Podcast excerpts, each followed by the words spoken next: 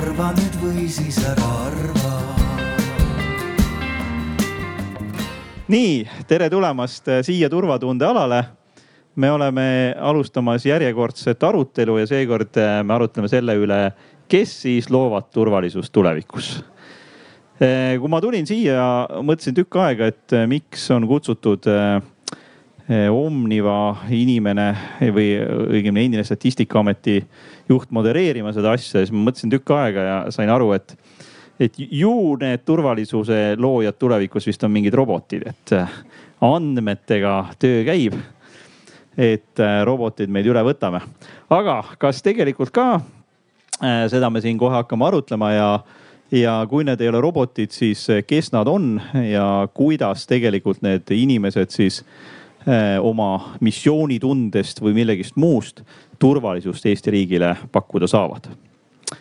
Eh, enne kui ma annan väikseks eh, sõnavõtuks siin sihuke sissejuhatuseks, siis tore tutvustaks ka, kes meil paneelis on, et, et meil on siis eh, Janne. Janne, palun.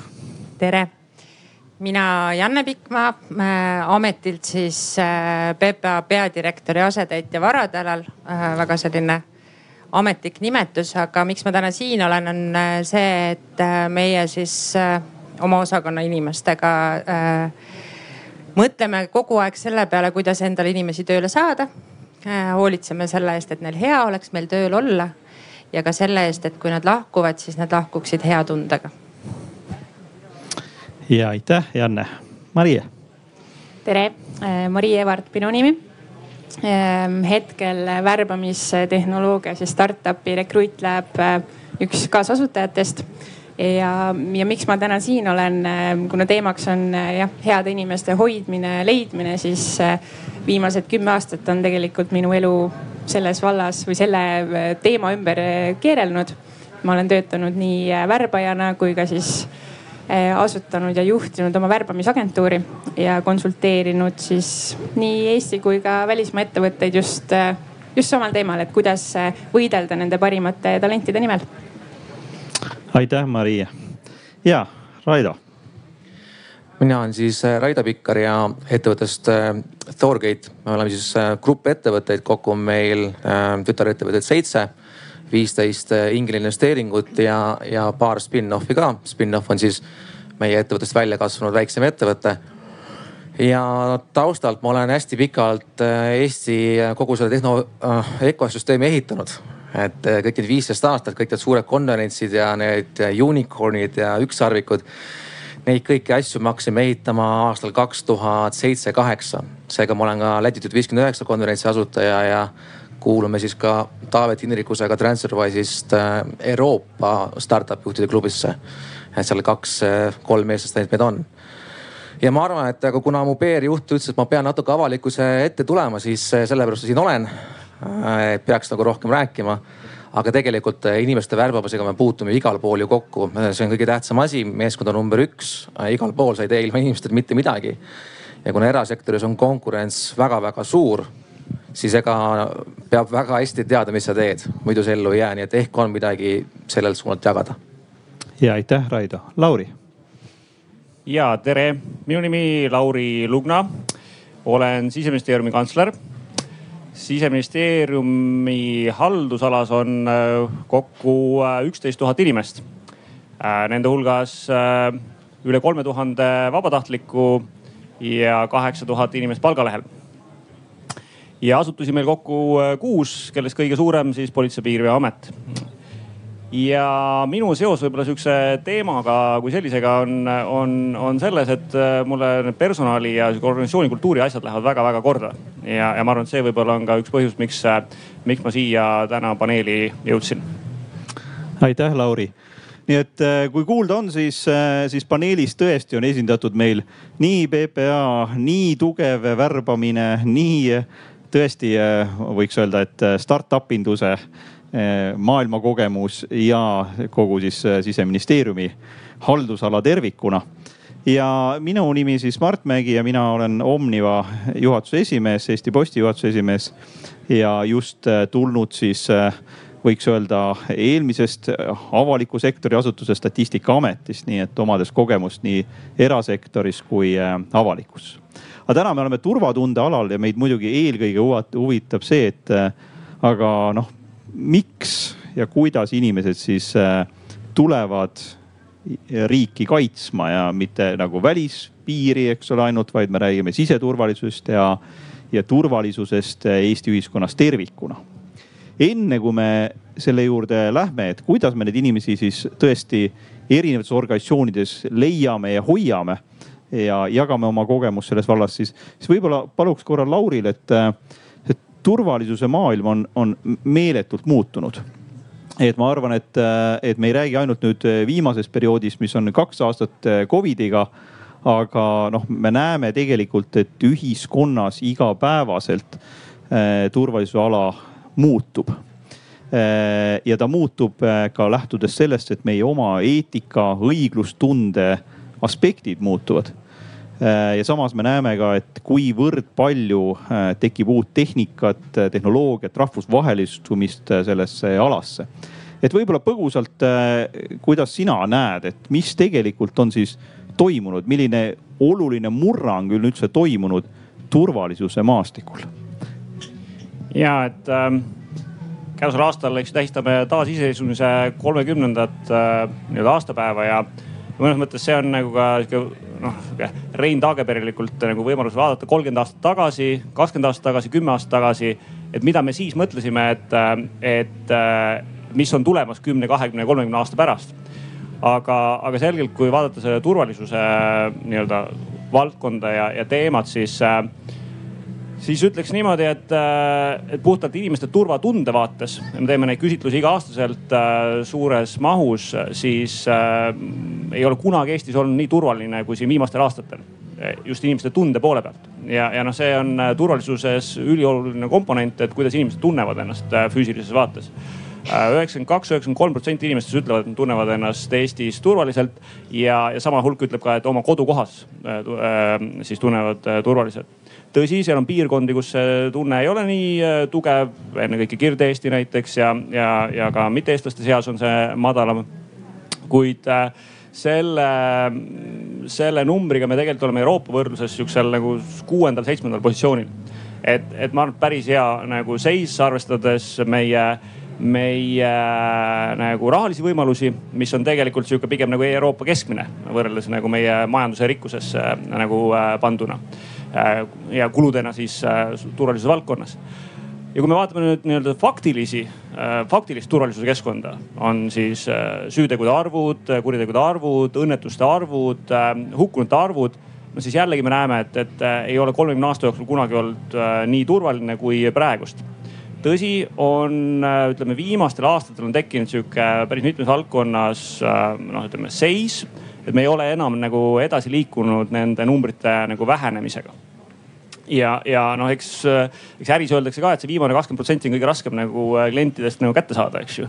et, et see, see, seal enam sa ei saa rakendada neid, neid võtteid, meetodeid, protsesse, millega sa kaheksakümmend protsenti kätte said et ja, ja seetõttu me oleme ka palju, äh, palju mõelnud selle peale organisatsioonides, äh, politseis, meie SMIT-is, äh, häirekeskuses ja nii edasi. Et mida me peame hakkama teistmoodi tegema. Ja noh, selgelt on üks, üks, üks suur teema juba läbivalt on tehnoloogia, tehnoloogia teadlikkus ja tehnoloogia kasutamise oskus. Sest see, mis me näeme viimastel aastatel on nagu raketina läheb ülesse, on ikkagi kogu küberkuritegude valdkond. Ja, ja mitte ainult küberkuritegude, vaid ka nagu interneti kaudu kelmuste toimepanek. See on ikkagi košmaar, mis on. Ja noh, hirmuga mõtlen selle peale, mis hakkab juhtuma septembris, oktoobris, novembris. et, äh, et mingil, mingil veidral põhjusel Eesti inimesed arvavad, et, äh, et on võimalus lihtsalt saada ka raha juurde sellele rahale, mis neil juba olemas on, aga reeglina nad jäävad siis sellest tihtipeale ka hoopis ilma. Ehk siis see on üks sihuke nagu valdkond. Ja teine teema ots, mis meile muret teeb täna, vaadates nagu tulevikku, on ennekõike äh, inimesed, kes elukutselisena äh, siis seda turvalisuse keskkonda nii-öelda panustavad ja tagavad. Seal me oleme jõudmas sellesse kohta, kus see suur põlvkond, kes üheksakümnendatel meiega liitus, on tegelikult väärikasse ikka jõudnud ja neil on õigus asuda nii-öelda pensionipõlve pidama. Ja, ja see paneb meile väljakutse just kuidas, kuidas leida viise, kuidas enda juurde tuua nii vanemaid töötajaid ja säilitada neid enda juures, kui ka seda, et olla atraktiivne nagu noorte jaoks ja, ja viimane asi, nagu esile tooksin, mis, mis muret meile nagu teeb ja turvalisuse vaates nagu just tulevikku vaatavalt, on ennekõike ähm, sihukesed erakorralised äh, sündmused. noh, tõsi, me praeguski oleme, eks ju, selles koroonas, rändesurve all on meie naaberriigid äh, Läti ja Leedu ja, ja, ja, ja ka täna, eks ju, näeme täitsa tühjast kohast hakkab nagu sihukest paduvihma tulema, eks. ja seda nagu, äh, seda tegelikult ju teadlased ütlevad, et, et selliste olukordade arv pigem nagu oluliselt hakkab kasvama äh, tulevikus äh, seda nii siis kuumade ilmastikuoludega, märgade kui ka külmadega. et ja see on selgelt väljakutse meile, kes me oleme nii-öelda inimese abistajad aga ühtlasi me selgelt näeme, et, et kui me jääme selle mõtteviisi juurde, et, et turvalisust tagavad ainult nii-öelda sinised vilkurid, siis me nagu seda turvatunnet kindlasti ei suuda säilitada ähm,. sest et vaadates lihtsalt noh reaalsusele otsa, meie võimalused rahaliste vahendite kasutuseks järgmise kümne aasta jooksul ei ole kasvamas raketina. ja, ja noh, selgelt peab inimeste äh, nagu omaosalus mõnes mõttes äh, kasvama.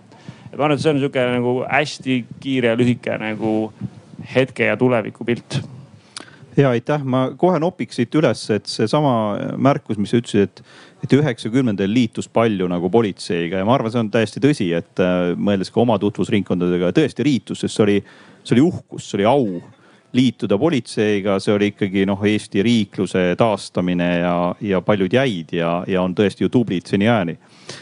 Äh, nüüd siit edasi mõeldes ongi meil väga tõsine küsimus, et no mis siis täna paneb noort üldse töökoha valikul otsustama.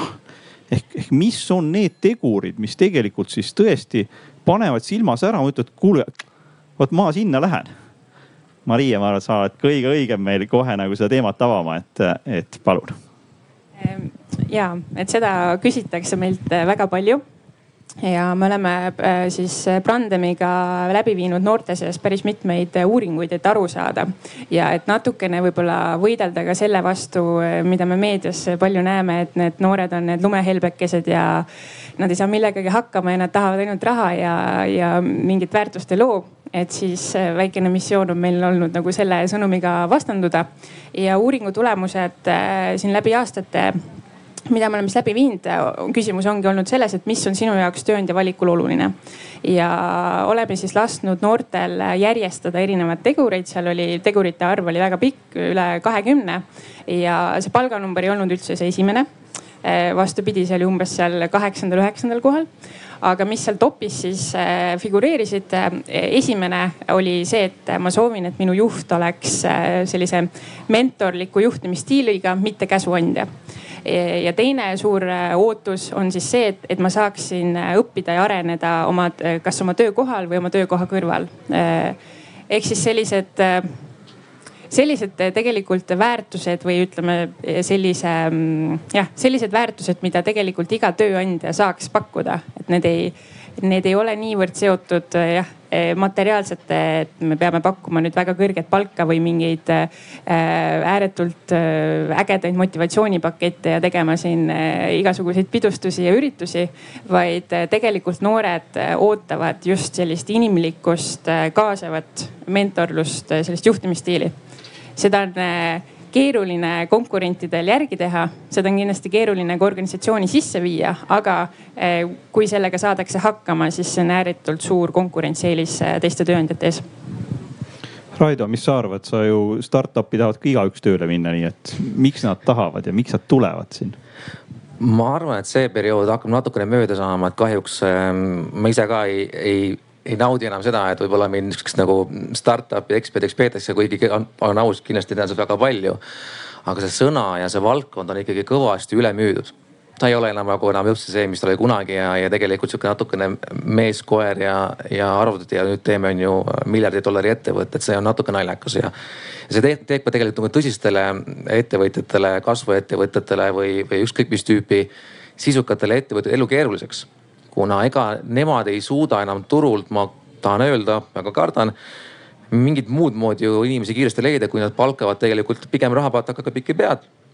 ja kui on kapitali piisavalt, kapitali pakkumist ju on, siis see ju ei ole väga keeruline ähm, pigem ma olen väga nõus äh, kogu selle uuringuga ja tundub, et me oleme ettevõttes seda, seda uuringut nagu lugenud, et äh, pikaajaline konkurentsieelis, äh, et su juhtimiskultuur, ähm, juhtide kultuur on, on selline nagu just kirjeldati, et see on kaasav.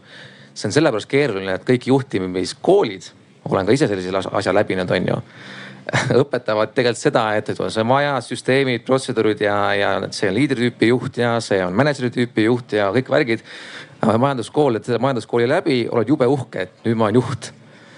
Aga tegelikult äh, üks kümme-viisteist aastat on vaja, ma arvan, vigu teha, ise saada aru, piki päid, piki-piki seina joosta peaga ja, ja ka ise just siin aasta-paar tagasi tundsin, et kuidagi see niisugune karmim juhtimisviis tahab tulla mõnikord keerulistel aegadel peale, jube, jube raske on ennast nagu tagasi hoida, sa tahad nagu ühtepidi olukorda, just see korra, koroona olukord. tahad ju olukorda kiiresti, nüüd rass, rass, rass, see ja see ja see.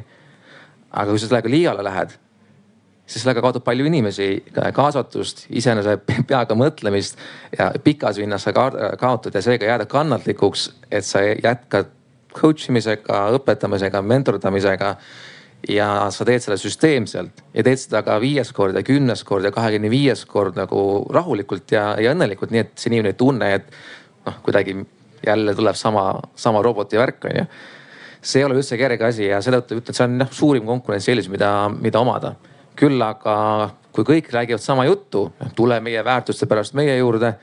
me teame, miks me oma asju teeme, meil on head kaasavad juhid. kuna kõik räägivad sama juttu, kuna kõik on sama uuringut lugenud, on ju siis tegelikult, et kuidas nüüd see asi eh, kohale jõuaks kõikidele. ma arvan, et see on kinni nagu tegudes ja mida pikemalt sa käitud juhina, grupina, brändina ühtemoodi, usaldusväärselt, siis nendel on lõpuks see konkurentsieelis ja ma arvan, see on ka avaliku sektori jaoks nagu tugev nagu mõttekoht, et, et kogu selle poliitilise virvarri sees, kuidas nagu võidelda sihukese nagu edasi-tagasi olukorraga, kindlustundega on ju, et kuidas sa lähed sinna elumissiooni täitma, kui sa tegelikult tead, et iga kolme aasta tagant tuleb uus tüüp ülevalt, ütleb, et nüüd lähme sinna. ei, siis lähme sinna. Et jube keeruline, et ega teil, teil kerge selles avalikus sektoris kindlasti ei ole. Raido, suurepärane. ma parandan, et, et isegi minul kuues aastas kantslerina ja seitsmes minister.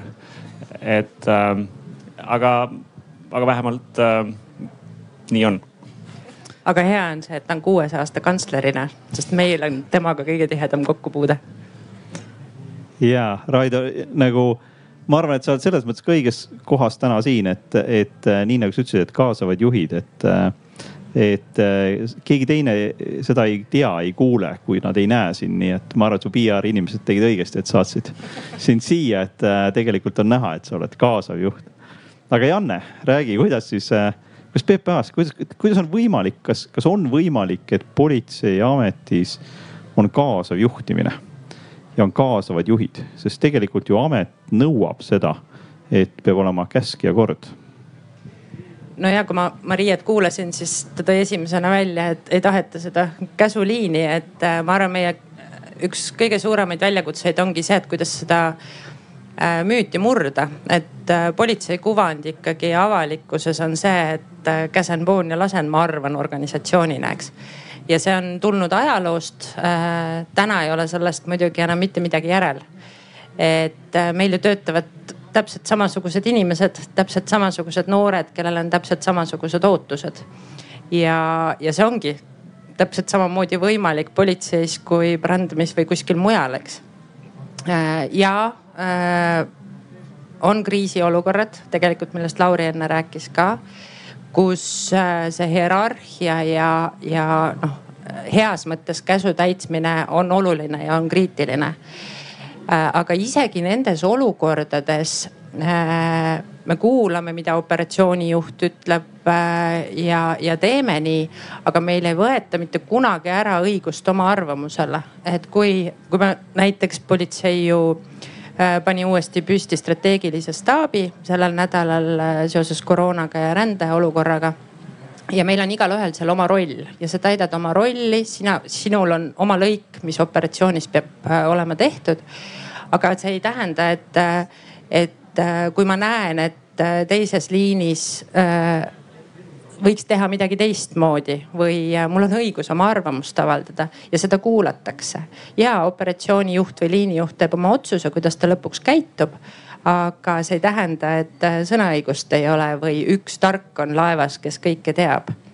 Äh, ajakriitilistes olukordades on võimalused piiratumad, aga, aga ega meil nüüd nii palju neid ajakriitilisi olukordi ei ole ka, eks. et äh, ma arvan, meie väga suur väljakutse ongi see, et, et kui tavainimene mõtleb politseiniku peale, siis ta mõtleb patrullpolitseiniku peale, kes on vormis, kellel on pagun Äh, tundub, et kõik on väga hierarhiline, väga struktureeritud. et sisemiselt see tegelikult nii ei ole, et me ei anna au äh, me ei tõuse püsti, kui kõrgema paguniga mees astub tuppa. et me tegelikult sinatame kõiki. Kas ma tunnen või ei tunne, vahet ei ole, me ütleme kõigile tere.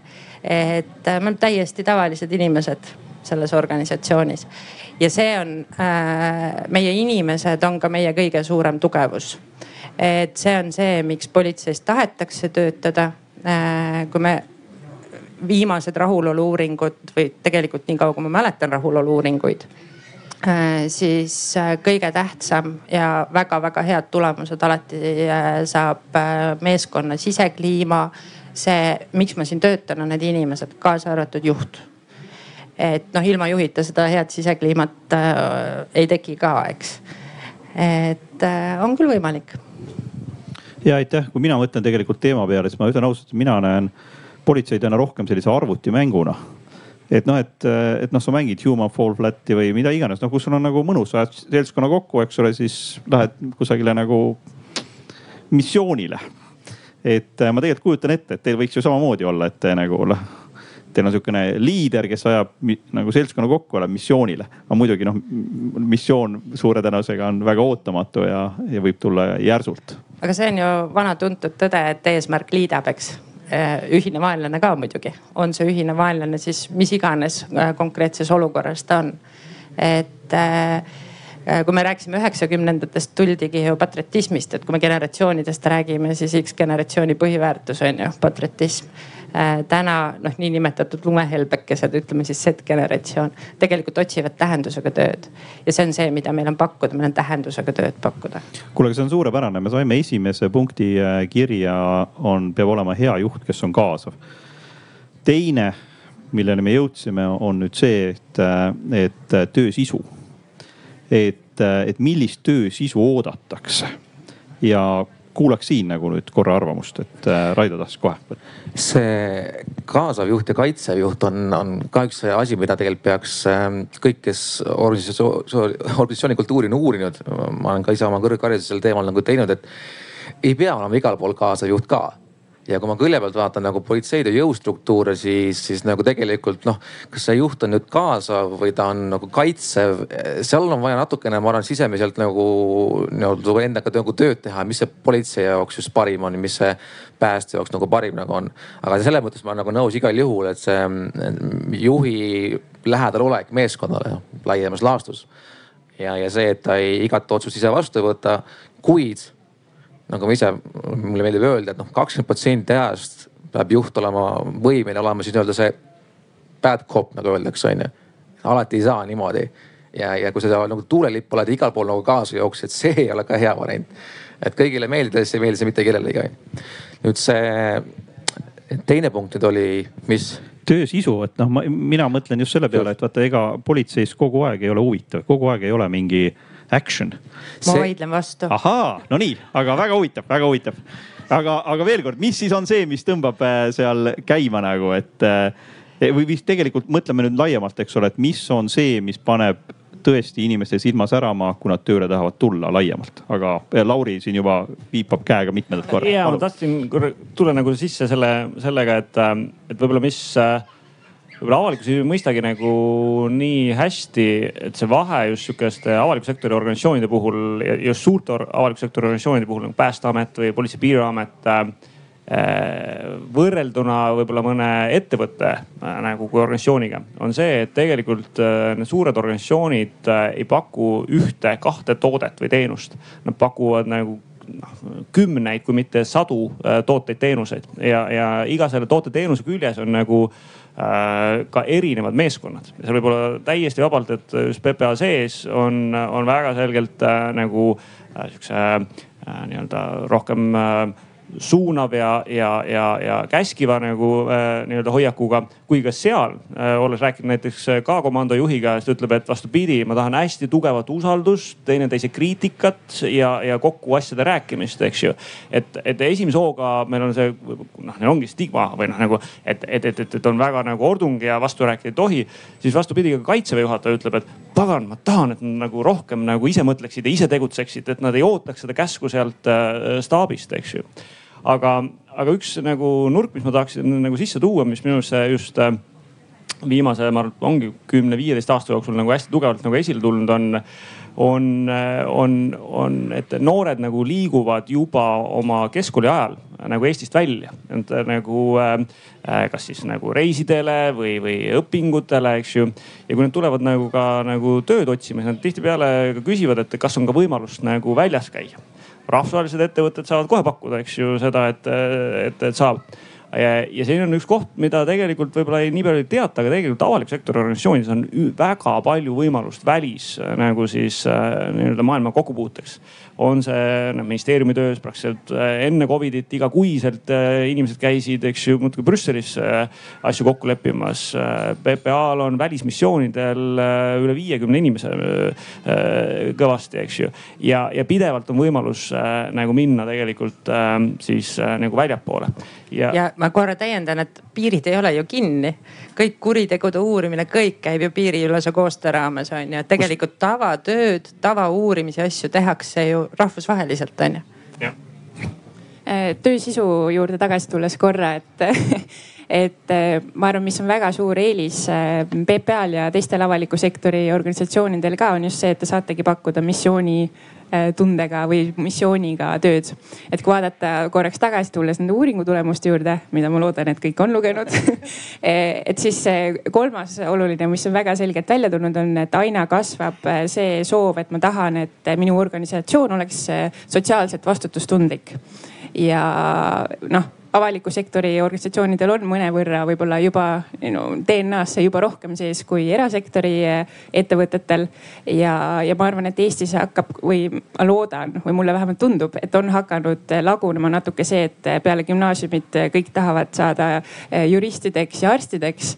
et mõeldakse kuidagi laiemalt ja just otsitakse seda sotsiaalset vastutustunnet, aga mida teil on ülihea pakkuda. küsimus on nüüd selles, et kuidas te seda saaksite võimalikult hästi välja kommunikeerida.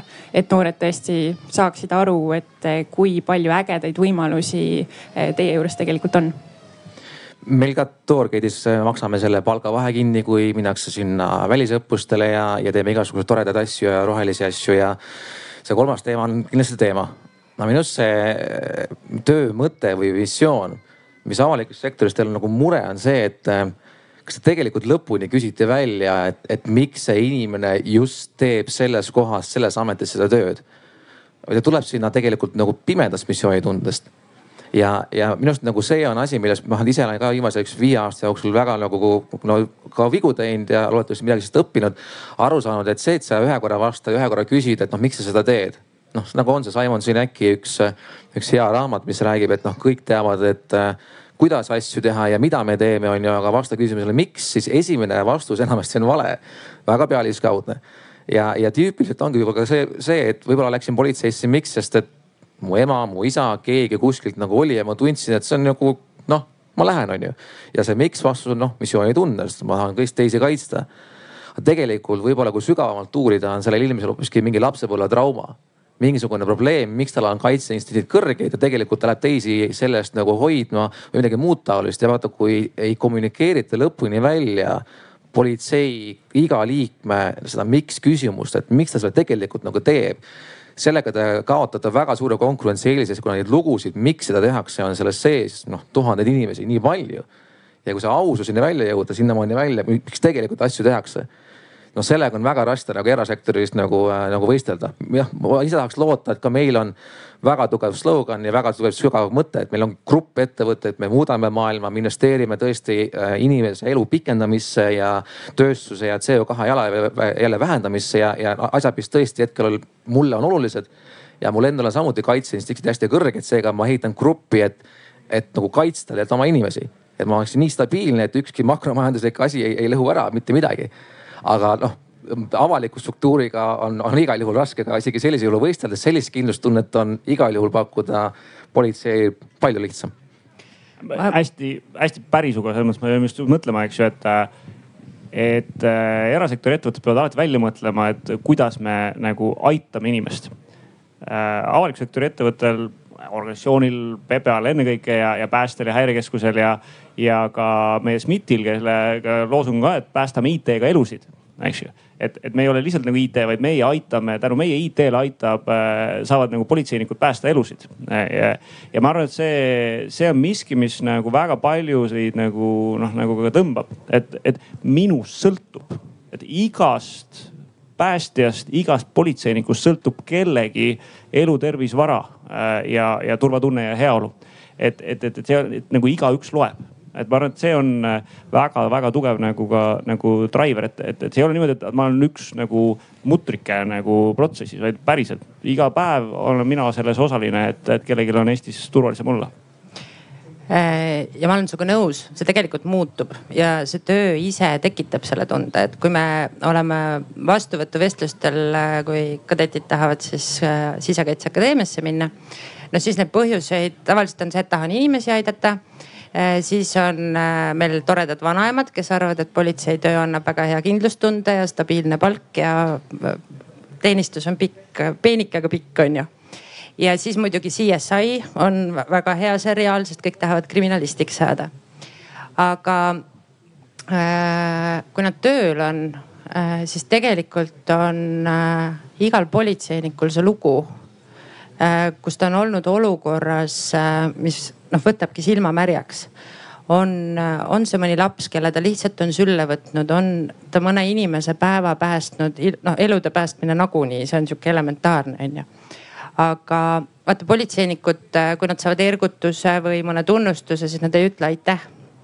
Nad ütlevad, teenin Eesti rahvast ja see ongi see, miks nad seal on, et äh, ma mäletan, kui kevadel olid Toompea need äh, meeleavaldused, siis äh, tegelikult oli politseinikel hästi raske seal iga päev käia. Äh, noh, emotsionaalselt oli see ikkagi keeruline, sest äh, nad said igasuguse sõimu ja sõnavalingu ohvriks langesid. Ja kui ma nende politseinikega rääkisin, siis nad ütlesid, et nad on õhtuks täiesti läbi, emotsionaalselt läbi, aga hommikul nad jälle läksid, sellepärast et äh, see aitas teisi Eesti inimesi, nad pidid teistele Eesti inimestele selle turvatunde looma.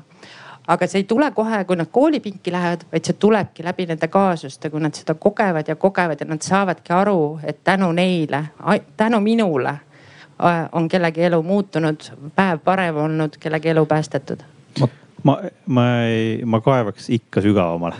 sellepärast, et vaata, iva on lihtne, et Nõus. nagu ma küsiks kohe Raido ja Mari, et kas te tuleksite avalikusse sektorisse tööle? mul on alati see plaan olnud ja ma, polnud palju puudu, et ma oleks politseistruktuuridest tulnud, see oli nagu üks variantidest. aga mitte üldse see, see inimese elu päästmine ja, ja kõik see, see jutt, vaata minu arust on nagu mingi filmidega ja, ja kogu selle meediaga, see on nagu tehtud nii eeposlikuks ja nii oluliseks on ju, mitte et see ei oleks õige aga ma väidan väga tugevalt, et, et mis avalikus sektoris muudaks maailma, on see, kui inimestel ju, lastakse ja julgetaks punkt üks öelda ausalt, miks nad asju teevad. see ei ole miks küsimusele vastus, et ma tahan elusid päästa. küsi uuesti, miks sa tahad elusid päästa?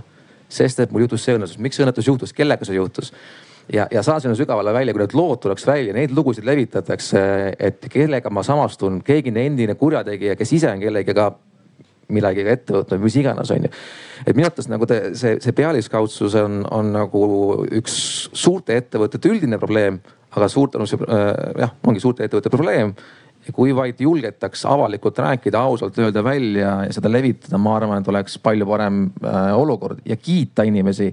kui ta ei võta kiitust vastu, et olen eestlane ja Põhjamaa ja mis, noh, mis mina. Selle eest tuleks pikki päid anda. Et nagu see, see ei ole nagu, nagu jätkusuutlik, et ma muudkui teenin, ma muudkui teenin, löön kulpi ja siis kuuekümne viie aastasena varastan panka on ju, sest et mul polnud piisavalt raha, et oma lastele, ma ei tea, ülikooli neid saata, mis iganes, et noh. see ei ole ju tegelikult aus ega ka ta, ta ju valetab tegelikult. Ükski inimene ei, ei lähe koju pärast seda, et talle öeldi aitäh, et selle töö eest, et kurat, aitäh öeldi mulle, et pahasti. et see, see hetkel ma arvan, et on on asi, ongi võib-olla juurprobleem ongi teil seal. et te ilustate tegelikult neid inimesi, kes nad on liiga heroiliseks. tuleks rääkida seda nagu koledat tõde ja mitte lasta neil olla see äh, nii-öelda kangelane, vaid, vaid lasta neil võtta see kiitus vastu. see on inimlik. Teil on inimesed, mitte robotid. Ma nõustun ja samas esitaks sulle ka huvitav väljakutse või noh, selles mõttes, et tegelikult kui me vaatame olgu äriettevõte või avaliku sektori ettevõte, siis igaühel on oma asi, mida ta peidab. noh, ehk seesama, et miks me ei räägi oma tõde, oma lugu. ja huvitav on see, et eras on see täpselt samamoodi. ettevõte, mis noh toodab midagi, mis tegelikult loob nagu väga hullu jalajälge näiteks või muud, ta ei räägi sellest. ta lihtsalt ei räägi sellest ehk tegelikult ma ütleks, et see ei ole avaliku sektori, vaid see on laiem teema, et noh, et kas me räägime oma lugu õigesti ja õiglaselt ja ausalt. aga küll on see huvitav, et, et kui inimene läheb avalikku sektoris tööle, mina tulin näiteks erasektorist avalikku sektorisse. mul on oma lugu, et noh, et nagu ilmselgelt minu sõbrad vaatasid mulle otsa, et kuule Mart, sa oled nagu noh, et no miks sa nüüd sinna läksid, et noh, miks?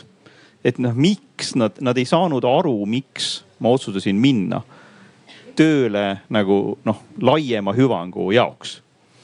Õnneks mul on muidugi väga head sõbrad siin, nagu üks näiteks istub kõrval ja tema kindlasti ütleb, et okei okay,, et noh, see on väga õige ja kõik muu, aga aga, aga noh, et, et laiem tegelikult ühiskond, raske on seda mõista. Ja nüüd miks ma siin kaevangi, et see, et, et miks meie ühiskonnal on raske mõista seda et eh, kui me teame ju teiselt poolt ka, et need inimesed, kes on avalikus sektoris, see palk, mida nad saavad, see on madalam, ilmselgelt madal. selle kõrval on veel kärped, ma ei tea nüüd, päris huvitav on see, et mis eh, saavad olema palgad, eks ole, järgmine aasta politseis siin, siin kärbete kontekstis oleks huvitav teada. et eh, ja nüüd, eks ole, küsitakse, aga miks sa lähed seda tegema, miks sa lähed pingutama rohkem kui vaja madalama tasu eest et ja nüüd, eks ole, olukorras, kus me oleme, kus neid töökäsi ei ole, neid ei ole muidugi eras ka, eks ole, aga avalikus ka. seda enam tekib küsimus ka inimesel võib-olla endal. aga miks ma lähen seda, miks ma lähen nagu ennast rebestama, vastu peaga vastu seina jooksma selleks, et teha midagi enamat. et üritame korra veel mõtiskleda selle koha pealt, et et miks ja kas, kas tõesti erasektor ja avalik sektor on siis üksteisest nii erinevad? ja ma lihtsalt eh, kommentaar siia, et eh, vastu seina peaga võid sa samamoodi erasektoris joosta, et eh, ma ei tea, alustades oma startup'iga või käivitades oma ettevõtet või ka lihtsalt töötades eraettevõttes. aga see eelmine küsimus, et kas ma kunagi kaaluksin avalikku sektorisse tööle minekut, siis aus vastus on see, et nüüd ma kaaluksin Eh, ma arvan, sihuke viis, võib-olla rohkem aastat tagasi ei, ka, ei oleks kaalunud. aga kust see muudatus on tulnud, on see, et mul ongi oma töö käigus olnud eh, hea võimalus koostööd teha näiteks päästeametiga või ka statistikaametiga. ja mul on mingisugune personaalne nüüd nagu kontakt tekkinud või mingi personaalne ehk tunnetus, et ma tean, kuidas inimesed oma tööst räägivad päästeametis, mis tööd nad teevad või, või kuidas inimesed räägivad oma tööst statistikaametis ja ja, ja nüüd see nagu valikulaual, see avalik sektor on täiesti olemas ja ma arvan, et väga paljudel inimestel olekski vaja lihtsalt mingit sellist isiklikku kontakti eh, mingit moodi, kas siis politseitööga või, või päästetööga või lihtsalt avalikus sektoris mingi rolliga. räägime liiga vähe avalikus sektoris, Lauri. ja ma nagu korjan paar asja üles. täna siia tulles just äh, sattusin lõunat sööma kahe ägeda itipoisiga meie SMIT-ist äh,, töötanud meil aasta-kaks ja ma küsisin, et äh, miks siia ja vastus oli, ähm, oli hästi ühene, et ähm, te olete suur organisatsioon, teil on nii palju tooteid-teenuseid, siin on nii palju erinevaid rolle, kus ma saan kasvada ja areneda. Et kui ma läheksin mingisuguse puidutöötlevusettevõtte IT-juhiks, et äh, peaksin olema seal kõike tegema ja, ja, ja see oleks nagu üle mu, eks ju, tänaste võimete ja, ja teistpidi ka see ei pakuks mulle nagu huvi, et, et see, mis te teete, on äge, et teil nagu need infosüsteemid on nagu äh, automaailma Ferrari'd, et, äh, et, et nagu põnev on see töö. aga nüüd ma tulen, ehk siis, mis on võimalus minu arust avalikul sektoril ennast ka nagu näidata ja kommunikeerida nagu just suure organisatsiooni nagu noh, nagu mastaabi pealt, et, et siin ei ole nagu monofunktsionaalsed nagu väikeettevõtted. aga, aga tulles su küsimuse juurde äh,. miks on see hoiak, et miks sa sinna lähed? Äh, eks ju, seal on nagu selgelt on all on mingisugune hoiak, et, et, et see on kehva. Ma olen mõnikord hakanud mõtlema selle peale, et mis on üks peamiseid asju, mis eristab, eks ju äh, nii-öelda eravaadet ja, ja avalikku vaadet on see, et suur enamus avalikke nagu hüvesid ja teenuseid on tasuta. Et ei ole transaktsioonilist nagu, eks ju, kokkupuudet äh, inimestel äh, siis teenusega. Hästi, riigilõivud on koht, eks ju, äh, kus, äh, kus see transaktsioon nagu toimub ja seal me ka näeme, et on hästi suur nagu nõudlikkus tegelikult selle nagu teenuse kohta. Äh, et, et oleks nagu võimalikult nagu hea. aga, aga, aga jah, sealt ma nagu korjan üles mingisuguse nagu sügavama nagu sihukese nagu hoiaku tegelikult ka Eesti inimestes, et no kui on tasuta, siis ta peab ju hea olema eks ju. Et, et ja, ja ometi, et ma maksan ju makse abstraktselt, eks ju. Äh, ja, ja, ja see jõuabki selleni, et tõepoolest tal ei ole valikut, eks ju. et äh, okei okay,, hästi valik on see, et sa võtad nagu endale turvafirma, eks ju, appi oma kodu valvama äh,. ja, ja ei usalda nii palju, eks ju, nii-öelda politseid. aga teistpidi saab seda ka pöörata just nimelt vastupidi, et, et see on see osa, kus sa nagu noh, panustad ka ise sellesse nagu keskkonda et, et see kehva maik nagu, kust see nagu võib tulla, et avalikus sektoris äh, on äh, ma arvan, et kuskil nagu seal mingisugune sügavam hoiak, kunagine kogemus äh, avalike teenuste nagu äh, siis osutamisega talle. Minu arvates isegi siis natuke oled õiges kohas, aga teise külje pealt minu arust ma tunnetan nagu, et avalikul sektoril on teatud nagu alaväärsuskompleks pidevalt et ma ei saa aru, miks see nagu vajalik on, et, et kui ma ise mõtlen, et miks ma kunagi kaalusin üldse avaliku sektori minekut, on see, et ma olen suurest perest, vahendeid oli vähe ja minu esimene unistus oli olla, eri, esimene äriplaan oli olla jõuluvana kogu Eestile. nelja aastasena kirjutasin one pager, siiamaani alles for real. aga siis, siis kuidagi edasi jälle said aru, et noh, teist varianti pole, ainult ettevõtja kaudu ma sinnapidi jõuan ja siis seesama jõuluvana efekt on nagu läbi tulnud ja nüüd kunagi siis lähed avalikku sektorisse on ju, aga miks peab rääkima sellest äh, avalikust sektorist kui nagu mingist kompleksist, et, et ja see palk jällegi nagu just mitu korda jälle räägin, see ei ole üldse oluline et nagu äh, me kõik teenime Eestis piisavalt palju juba, et me nagu elame nagu ära, okei okay,, võib-olla sa ei saa Tallinna kesklinna seda penthouse'i nagu osta, aga kui sa oled vähegi normaalne inimene, siis see ei ole nagu see, miks sa asju teed seega lisaks sellele aususele, otse ütlemisele, kiitmisele, kui, kui saaks nii kaugele jah, et, et oleks see, see seis ka parem, et kuidagi ei, ei, ei kardaks olla uhke, reklaamid ei oleks nagu siuksed nagu natuke nagu õrnevad, vaid ütleks otse välja, see on nagu parim koht, kus olla ja võib-olla mitte kõik osakonnad, olge siis ausad, aga see osakond või see koht on nagu parim. ma ei tea, kas siis politseis Euroopa parim, Põhja-Euroopa parim, vajab natuke bluffige fine, natukene müüki juurde on alati okei okay.. võtke ameeriklane. see on minu arust ääretult hea teema, nimelt lugude rääkimine. et me peaks rääkima avalikus sektoris rohkem lugusid nüüd äh, ja ma räägin noh nagu ausalt, et kui mina olin statistikaametis, siis ka me rääkisime lugu. ja, ja see oli üks, millega me nagu muutsime seda nii seestpoolt seda ametit kui ka väljaspoole, et noh, me rääkisime lugu, et äh, mis on oluline ühiskonnas, mis tegelikult on oluline. mitte see, et noh, et nagu me teeme midagi, aga et mis tegelikult on oluline.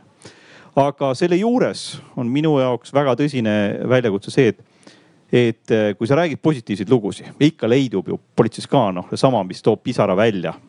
et eh, ja neid lugusid tuleks rääkida ja aina rohkem. siis selle juures on see väikene mure või hirm, et eh, järgmine päev juhtub midagi mille juures see positiivne lugu saab hoopis negatiivseks looks. ja see ei pruugi olla sama lugu, mis muutub negatiivseks, aga see võib olla mingi muu, keegi tulistab valesti. keegi äh, teeb liiklusõnnetuse töö käigus, see oli kogemata. aga see üks õnnetu lugu rikub ära kogu maine. küsimus on, kuidas me noh, seda olukorda võiksime veelgi paremaks teha, et see üks õnnetu lugu ei rikuks ära positiivseid lugusid. kas me peaks lugusid, positiivseid lugusid siis külvama kümneid, et üks ei rikuks ära või mis võiks olla lahendus? et Lauri, hakkame siit kohe siit sinu poolt peale. ja ma jäingi nagu mõtlema ja, ja, ja arutama, et, mis on need äh, nii-öelda kontaktid, eks ju, lihtsalt nagu näitlikumaks eks ju, et ühes ööpäevas äh, pääste läheb välja noh keskmiselt viiskümmend korda kogu Eestis politsei läheb sündmusele ööpäevas suurusjärgus äh, nelisada, viissada, reede-laupäev muidugi läheb see kuus-seitsmesaja peale. keskmiselt nelisada jah? jah, et ähm, ja, ja nende ütleme aasta peale tuleb nagu hästi suur arv kontakte tegelikult. No arusaadavalt seal ei lähe kõik nagu nii nagu peab. noh, et, et, et ja, ja no mõnes mõttes see on nagu asja tegelikkus, mis minu arust on oluline avaliku sektori organisatsioonide puhul on see, et me ei looks fassaadi, mis on imeilus. väga hästi läheb meil kõik, me oleme nagu kõige vingemad. Ehm, aga sees veel ei ole seda. et, et, et, et, et sinna tuleb sisse ehitada see nii-öelda paindekindlus või kuidas seda ütleme inseneerias öeldakse, et, et, et see nagu kaks keskkonda nagu omavahel konflikti ei läheks. et ja see on ongi juhtimise nagu tasakaalu leidmine, sest ühest küljest sa vajad seda nagu fassaadi ja kuvandit ja, ja, ja lugu, eks ju. Mõnes mõttes ma korjan üles sinu mõtte sellest, et, et, et need lood peavad olema personaalsemad, et on liialt nagu, nagu sihukese organisatsiooni üldlugu, eks ju.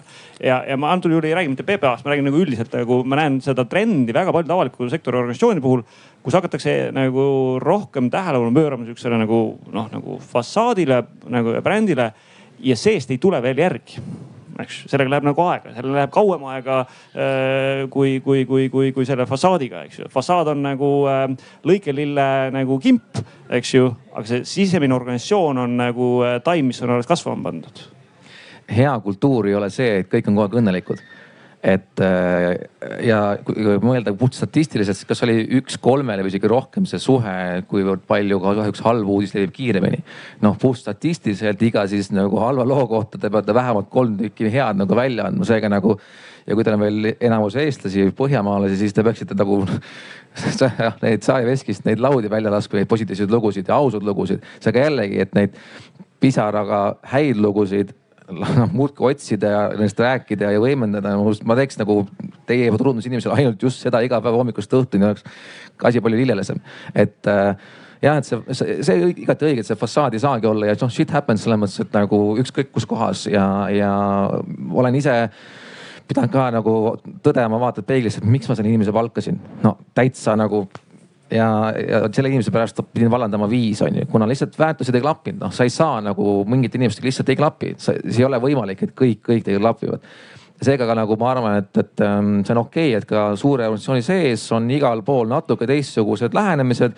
natukene rohkem avatust, vähem avatust, rohkem positiivset, negatiivset, aga üldmõte, et, et keerata nagu ausamaks ja positiivsemaks ja julgelt enesekindlalt rääkida.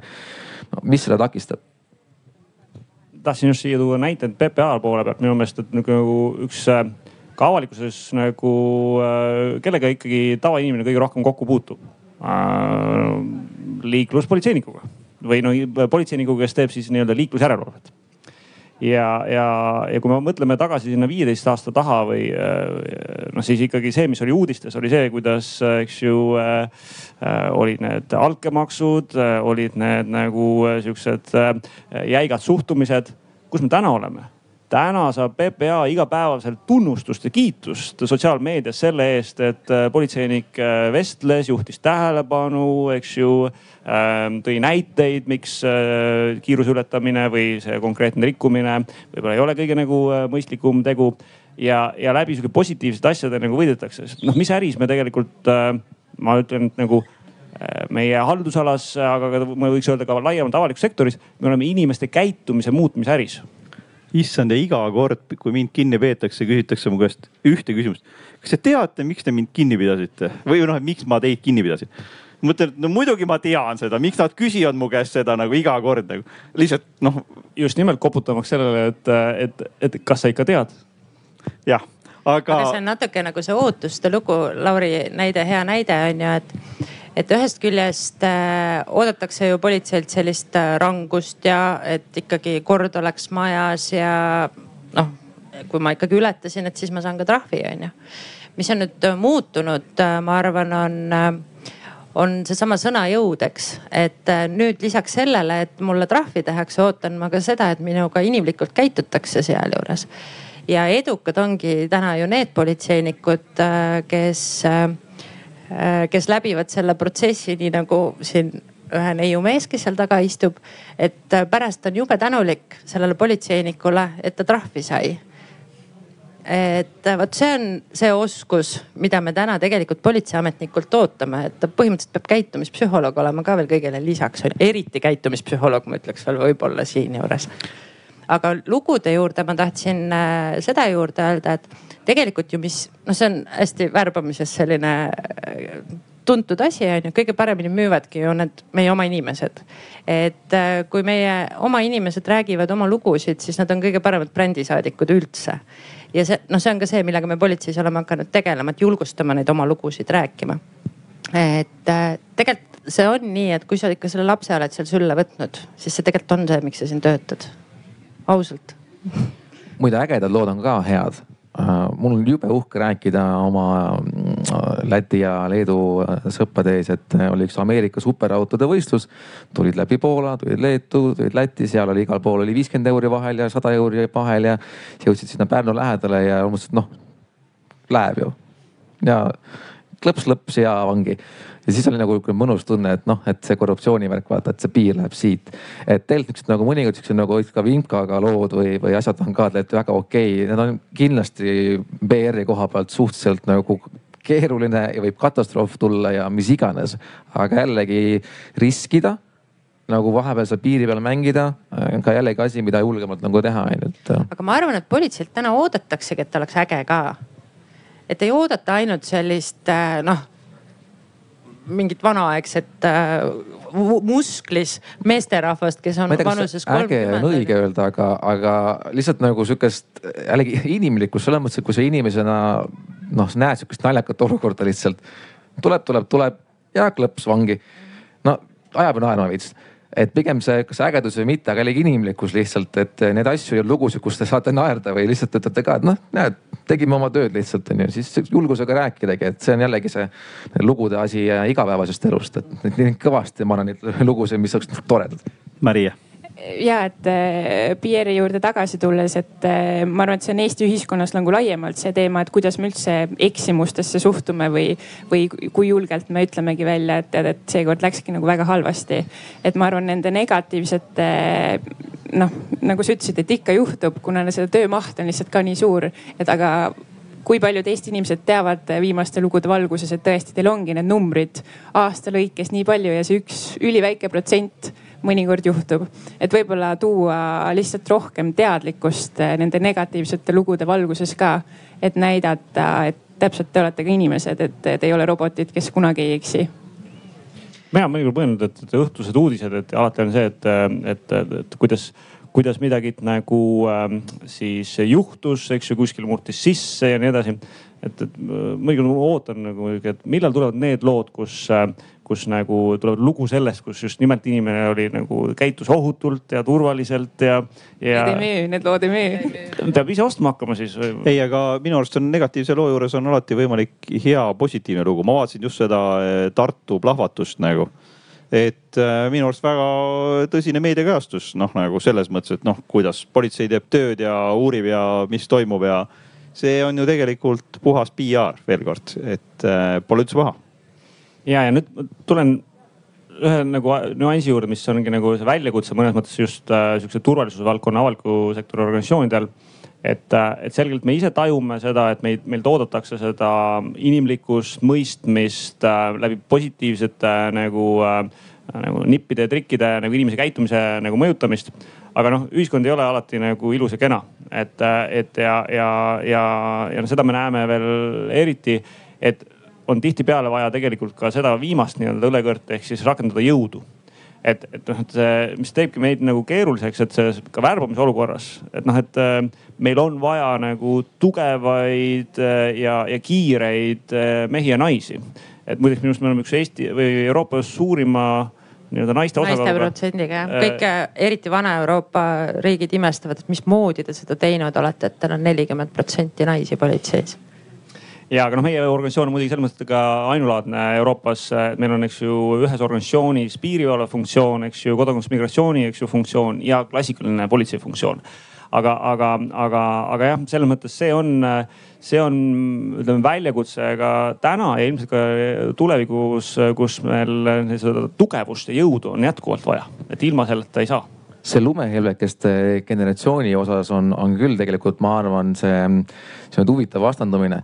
et äh, ma ise olen väga sellesse usku, et, et äh, ikkagi on praegu natukene see elu läinud nagu liiga pehmeks ja natukene liiga nagu hellaks on ju ja, ja päris nii ei saa, seesama ka juhtimisteooriat kogu aeg ei saa heaga. mingi aeg on olla ka see, et joon on siin ja kahjuks siit ei saa ja nii on, on ju. et selles mõttes nagu ähm, teatud sihukest võib-olla ükskõiksus sihukese äh, ka mõnikord nagu mõttetu meediakajastuse vastu, ma arvan, on ka avalikus sektoris nagu vaja ja seda selgroogu siis kas siis juhtimistasemel ka mõnikord see poliitik sinna puu taha saata, et, et noh, kuule, et noh, mis iganes. sellele võib järgneda küll vallandamine aga sihukest nagu julgust tahaks nagu näha, et, et ma ise mäletan, kui ma olin keskastme juhina, miks ma lahkusin ühest kohast oli see, et lihtsalt ma tundsin, et kuule, see juht on nagu, on nagu M on ju. ja, ja ma läksin põhimõtte pärast lihtsalt ütlesingi, et ma ei läheks muidu ära mitte kuskile, aga tema ja kaks kuud hiljem sai see mees kinga. et, et selles mõttes sihukest põhimõttekindlat nagu lähenemist on, ma arvan, politseist ja avalikust sektorist, see on olemas seal inimestes ja seda julgust, sest nad teevad seda tööd igapäevaselt. ja jällegi need näited, kuidas hiljem tänu sellele midagi läks paremaks kui neist räägitakse, oleks ka nendel inimestel julgus, kes tulevad sinna sellepärast, et ma saan muuta asju paremaks ja ma võin ka saata sihukese sõnumi ma võin küll eksida, aga vana statistikuna ma kogu aeg jälgisin usaldusväärsust, asutuste usaldusväärsust ja kui toimus siin politsei ja piirivalve juhi ja ühe ministri vaheline äh, väikene äh, nagu ütleme konflikt, eks ole ausalt, siis äh, usaldusväärsusindeks politsei piirivalve tõusis mälu järgi, nii et see oli ilus, see oli ilus tegelikult. ma tahtsin küsida, et kas on selline mulje, et meil ei ole seda või? muidu on ja. see on üllatav ausalt öeldes. noh, aus, aus tagasiside. ja, ja seda on väga hea teada ja aga, aga no kui me mõtleme veel nagu sügavamale, et, me oleme nüüd käinud sihukese ringiga, et, et noh, et mis siis nagu, kuidas kutsuda või noh, et kuidas saada, aga noh, et selgelt on inimestel hirmud ju. ja minul isiklikult on üks hirm alati, et, et kas ma tõesti pean töötama seal kolmkümmend aastat. kas ma pean läbima Sisekaitseakadeemia ja siis ma töötan seal kolmkümmend, nelikümmend aastat.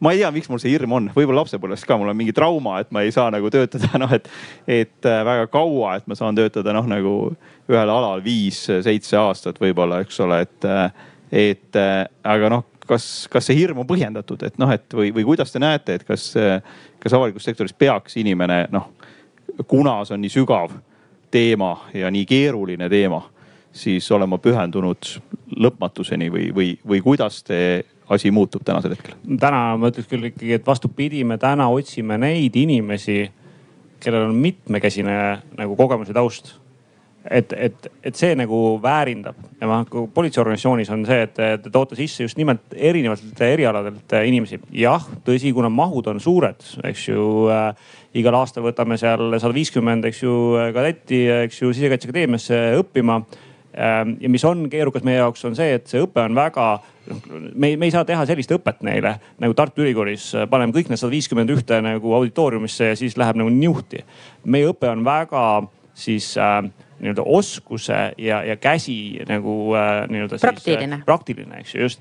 ja, ja see tingib selle, et, et see õpe on väga kallis et see, see ei ole nagu sihuke õpe nagu Tartu Ülikoolis äh, õigusteaduses, et äh, see, see on väga kallis õpe, sellepärast on vaja teha õpet gruppidega, on vaja seda teha tundide, päevade kaupa ja, ja see ajab selle hinna ülesse. ja sealt tuleb ka see, miks me noh, pigem tahaksime, et nad oleksid nagu kauem meie juures kui vähem aga teisalt äh, politsei minu meelest väga ägedalt on tulnud just sisse inimesi teistsuguse kõrgharidusega ja, ja andnud need politseilised oskused siis nagu lisaks nagu äh, juurde. ja, ja see on see, mis on rikastanud tegelikult organisatsiooni äh,. sest et äh, ma ei, tihtipeale ütlen, et, et noh, et, et kui, kui, kui pääste ja, ja, ja politsei, eks ju, on nagu seal akadeemias nad õppisid koos, äh, siis nad on pat, äh, nii-öelda jaoskonnas koos, patrullis koos. kogu aeg on nad nagu koos ja koos ja koos. et, et kuskohast nagu see ühiskonnaga nagu see kokkupuude ja, ja, ja nagu ühiskonnast nagu tagasiside toomine on. et noh, alati jääb muidu see, et, et meie ja teie, eks ju, aga see, kui ikkagi saada organisatsiooni sisse ka teise kogemusega inimesi, siis see teeb äh, tugevamaks. no sama on ministeeriumi poole peal täpselt sama lugu sa ütled, et see on hirm, mõne jaoks on muidugi see väärtus et eh, eks see sõltub inimesest, eks eh, jah, politseiõpe ja politseinikuks saamine tegelikult nõuab eh, väga palju ressurssi, nagu Lauri ka ütleb, esiteks riigilt, aga tegelikult ka inimeselt endalt. et noh, see ei ole tõesti nii, et lähen kuulan kaks loengut ja olen valmis. ja see ei lõppe seal Sisekaitseakadeemias, vaid noh, me kõik teame, kuidas kõik ümberringi muutub, see tähendab seda, et see politseinik peab kogu aeg õppima. õppida meil saab. meil on ju Eestis üks paindlikumaid politseiharidusi üldse põhimõtteliselt, kui sa tahad politseinikuks saada, siis, äh, siis sa saad. oled sa noor, oled sa kahe lapse ema, isa. et äh, neid variante on, on erinevaid, kuidas, kuidas see haridus endale kätte saada, eks mis on meie väärtus, mida me oleme püüdnud kuvada, aga ma arvan, kus meil on minna, on see, et tegelikult meil on üle saja erineva töö politseis. et jah nagu enne oli jutuks, eks tavainimese jaoks tõenäoliselt on see patrullpolitseinik või liikluspolitseinik, äh, piirkonnakonstaabel.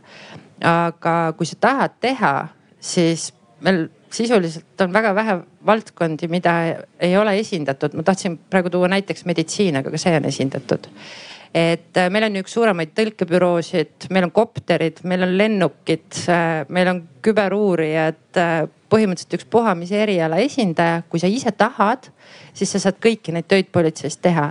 ja, ja selle organisatsiooniga on mingi värk. mina olen pea kakskümmend aastat töötanud siin juba. ma tegelikult ei ole nii vana, aga, aga noh, nii on. ja mul, nagu ma enne ütlesin, ma ei ole nõus, mul ei ole päevaga igav olnud. Äh, ja, ja see ongi nagu selline kodu või ta võtab su enda külge ja siis sa ei saa enam siit ära minna ja, ja meil on hästi palju inimesi olnud selliseid, kes on ära läinud ja siis äh, varsti on tagasi tulnud. Hannes on seal, võib rääkida, ta just käis ära ja juba on ta tagasi, onju. Äh, et ta kuidagi, tekitab mingi tunde, need inimesed, kellega sa koos oled õppinud ja olnud ja need on nagu see perekond, kes sul on ja kelle juures sa nii väga nagu ei tahagi ära minna, sa võid käia siis vahepeal Äh, õppida juurde, töötada, saada uusi kogemusi, käia välismaal, aga midagi nagu kisub tagasi. ja ma arvan, seda me oleme hästi teinud, sest äh, ega need inimesed ju tagasi ei tahaks tulla, kui nad ei oleks hea tundega lahkunud. meil oli paar aastat tagasi siin kampaania äh, noh, inimesi on ju puudu kogu aeg, on ju. kus me otsisimegi, võtsime ühendust nende inimestega, kes on ära läinud poole aasta jooksul ja kuuskümmend, kuuskümmend viis inimest äkki oli see arv, kes tulidki tagasi tööle ja, ja mis iganes põhjustel nad siis äh, omal ajal äh, olid lahkunud ja töötavad tänaseni, eks. et ma arvan, need on need väärtused, äh, mida me peame kuvama rohkem ma arvan, Maria siin kohe hakkab meile varsti nõu andma, kuidas seda teha. aga see on see, mida politseist ei teata, on ju, et, et seal nii palju erinevaid töid teha saab. kui paljud jäävad oma esimese armastusega kokku? mingi paar protsenti no, või viis või? mingi seis. ei pea esimesega jääma vaata, ma mõtlen see, et minu arust, mida ma ise olen õppinud, on see, et eks mulle nooremate inimeste palkamiste puhul ma võtan kohe teadlikult otsused umbes aasta-kahe pärast ma hakkan teda ära suunama. Sest muidu ta läheb, noh varem või hiljem läheb ära õnnetuna, sest et noh äkki kuskil midagi paremat veel. ja, ja ma olen sihukeses nagu töösuhtes muutunud nagu abielu usku natukene ja arvestan sellega, et noh, pooled abielud küll lähevad lahku, aga no mis siis ikka, püüa nii lahku minna, et sõpradeks nagu jätta. ja minu arust nagu, kui te mõtlete, mismoodi hetkel kogu avalik sektor nagu palka panna otse koolist ja nüüd seda tööd tegema. aga kui oleks nii, et see on teadlikult sisse kirjutatud, et sa tuled aasta-kaks nagu oled, siis jalaga tagumikku ja mine nüüd tee natukene erasektoris, istu tagasi. see on nagu poliitikutega, et noh, kellele meeldib see kakskümmend aastat nagu broileri tüüp on ju. ja noh, tahaks, et oleks päris elu ka näinud. et selles mõttes ma arvan, et see suurendaks seda pikaajalist võib-olla lojaalsust ja, ja seda suhet nagu, et, et see oleks nagu normaalne, et sa tuled korraks, aga suurake tee ise ennem ära kui on näha, ta on rahutu, ta nagu tahab midagi muud nagu teha ja siis nagu ärge oodake, ärge hoidke kinni, laske minna ja siis tuleb tagasi. ega me kinni ei hoiagi, nad ise ei taha minna. just, just, et, et see on mingisugune nagu lugu, kus avaliku sektoriga sihukeses laiemas narratiivis, kui sa räägid nagu hirmudest ja, ja sihukesest kuvandipiltidest, et seda nagu nähakse kui nagu stabiilset nagu tööandjat jah, toimuvad ka muutused aeg-ajalt, tehakse, eks ju, struktuuri muutuseid ja asju. aga, aga sihuke nagu domineeriv asi, et, et see on kindel tööandja, eks ju, et, et, et seda teenust on või toodet, mis ma nagu teen või mis lisaväärtuse ma annan organisatsioonile, organisatsioon ühiskonnale. et seda on alati nagu, nagu vaja ja, ja see, see hoiab nagu inimesi kinni teise poole peal hästi palju sõltub nagu juhist. Mingil hetkel alates mina võtsin selle hoiaku, et, et ma pigem ei hoia inimesi kinni, kui nad tunnevad, et nad nagu tahavad kuskile nagu ära liikuda. Ja see oli väga raske seletada kolleegidele seda nagu mõtteviisi ja, ja olid nagu peale kurjad, et ta on nii hea inimene, miks sa ta ära, ära lased noh, elu on näidanud, need inimesed on tagasi tulnud. just samamoodi nagu Jannegi ütleb, eks ju, et nad sellel hetkel oli vaja neil ära liikuda. võib-olla oli nende juht ei olnud nagu, nagu sobiv, eks ju, nende jaoks selles ajahetkes. Eh, aga, aga, aga kui, eh, kui nad tulevad tagasi, mõtlevad, okei okay,, midagi läks õigesti ja kes on rikkam? tegelikult on kõik kolm osapoolt rikkamad. mina olen rikas sellepärast, et mul on oma saadik läinud teise organisatsiooni mul on oma liin sinna teise organisatsiooni sisse, on see erasektoris või avalikus sektoris, eks ju. ja, ja sellel hetkel, kui ta tuleb mulle tagasi, olen jälle mina rikkam. sellepärast, et mul on töötaja, kes on palju nagu ägedama kogemuse saanud ja mul Aga on arvan, ka hea, hea meel jah, et nagu see on, see on tõsi, nagu ma lihtsalt tahtsin öelda, et mul on alati hea meel, kui minu meeskonnaliikmed on nagu noh, tõesti saavutanud ühiskonnas midagi õnneks mu üks meeskonnaliige on olnud Kersti Kaljulaid, nii et aga, aga noh, see on, see on, see on sul nagu juhina ülimuslik tunne, kui tegelikult sa näed, et sinu meeskonnaliikmed saavutavad noh, veelgi rohkem nagu aga. ma Mari... jah, sellesama hirmu juurde tagasi tulles, et kas ma pean nüüd organisatsioonis kümme või kakskümmend aastat olema et siis eh, viidates noorte uuringutele, siis me küsi-, küsimus oligi, et kui kauaks sa plaanid oma praegusele töökohale jääda, siis eh, kolmandik vastas, et ma mõt- või nagu vaatan ainult päev korraga elan päev korraga, et ma ei tee mingisuguseid äh, plaane. et ma arvan, et noorte värbamisel ongi oluline neile siis müüa seda mõtet mingisugusest konkreetsest etapist, et tule siia, sul on selline väljakutse, sul on võimalus selliseid, selliseid asju õppida ja sa saad siin konkreetse mingisuguse nagu rolli ära täita või midagi ära teha ja siis sa saad vaadata edasi. sa hästi minu meelest paned selle nagu pilti, sest klassikaliselt ju me avalikus sektoris värbame nagu alalisele ametikohale. see, elu lõpuni. see, see kõlab juba see, et aa, see ei ole tähtaegne töösuhe, see on alaline ametnik või alaline Sur. surmani eks ju, aga just nimelt, et sa tood sisse hoopis selle tähtaegsuse inimese jaoks ja, ja tekib mõnes mõttes sihuke verstapost, et mõlemal poolel on nagu ette teada, et seal on võimalik valida nagu kas koos edasi minna või mitte, et äh, väga õige punkt jah.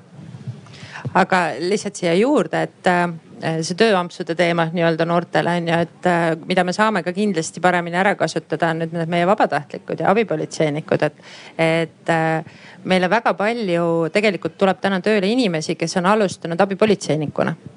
Nad ongi tahtnud lihtsalt panustada, on ju, mis iganes põhjustel ja, ja nad on äh, maitse suhu saanud ja neile on niimoodi meeldima hakanud, et äh, lõpuks tulevad nad meile tööle. ja see abipolitseiniku või vabatahtliku merepäästja äh, töö on ju tegelikult täpselt see, et sa teed seda siis, kui sul tekib tunne kui sul on aega parasjagu oma teiste toimetuste kõrval, on ju. aga sa saad, sa saad panustada, on ju. aga seda me ei ole võib-olla nii palju reklaaminud just nagu nende noorte vaates, on ju et kuidas, miks, miks see noortele võiks atraktiivne olla, et see on meie võib-olla mõttekoht siinjuures. ja vahepeal korra küsimine on küll väike auditoorium, aga kas kellelgi on tekkinud mõni küsimus, soovib ka nagu esitada ja Äh, Hannes, et olen kuus aastat töötanud äh, kriminaalpolitseikuna muuhulgas, äh, liikunud PPA sees, käinud erasektoris, tulnud tagasi, nüüd olen juba häirekeskuses nii-öelda IT teemadel tööd tegemas.